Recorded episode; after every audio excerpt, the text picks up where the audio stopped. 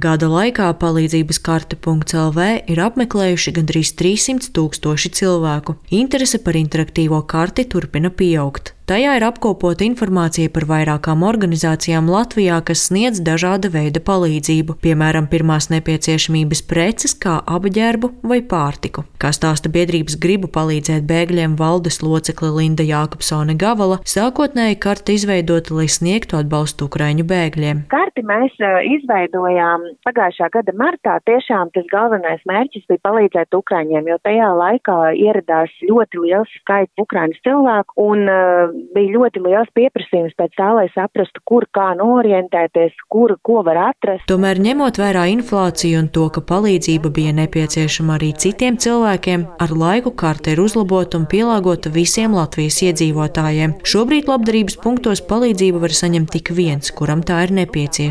Protams, Latvijā dzīvo arī bēgļi, kuri nerunā nedz ukraiņu, nedz latviešu, nedz krievu vai angļu valodās, kurās sākotnēji izveidojām palīdzības karti.lv. Un un tāpēc šobrīd esam pievienojuši informāciju arī arābu valodā, un pavisam jau tuvākajā laikā tā karta būs pieejama nu jau sešās valodās, un sestā valoda, kur pievienosim, būs farsī valoda. Tāpēc, kad uh, mēs redzam, ka varbūt šis pieprasījums nav tik liels kā no pārējām grupām, bet šis pieprasījums ir. Jākapsone Gāvala piebilst, ka bēgļiem, kas Latvijā jau ir iedzīvojušies, rodas jaunas vajadzības, tāpēc mājaslapas saturs attīstās, nu jau piedāvājot ne tikai dažādas lietas, bet arī integrācijas un iepazīšanās pasākumus, kā piemēram valodas kursus. Šobrīd kartē ir pieejama informācija par 89 dažādām organizācijām ar 145 punktiem visā Latvijā. Kristīgās labdarības organizācija Tabitas sirds arī ir atrodama kartē, un tā piedāvā palīdzību trīs punktos, jeb trīs Latvijas vietās - Kuldīgā, Grobiņas pagasta robežniekos un Liepājā. Organizācija nodrošina tādas lietas kā apģērbu, pārtiku, preces mājai un daudz ko citu. Turpina organizācijas Tabitas sirds vadītāja Kristīna Vidziniece. Mūsu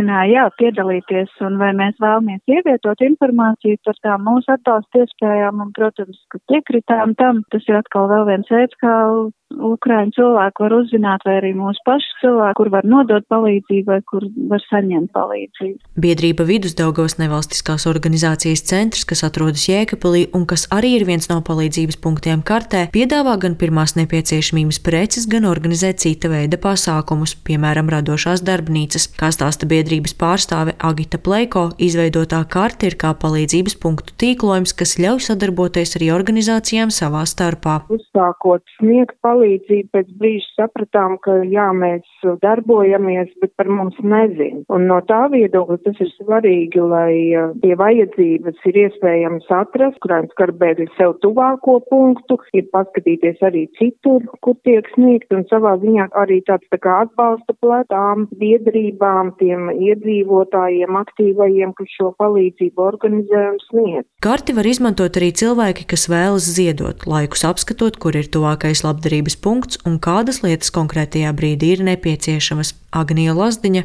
Latvijas radio.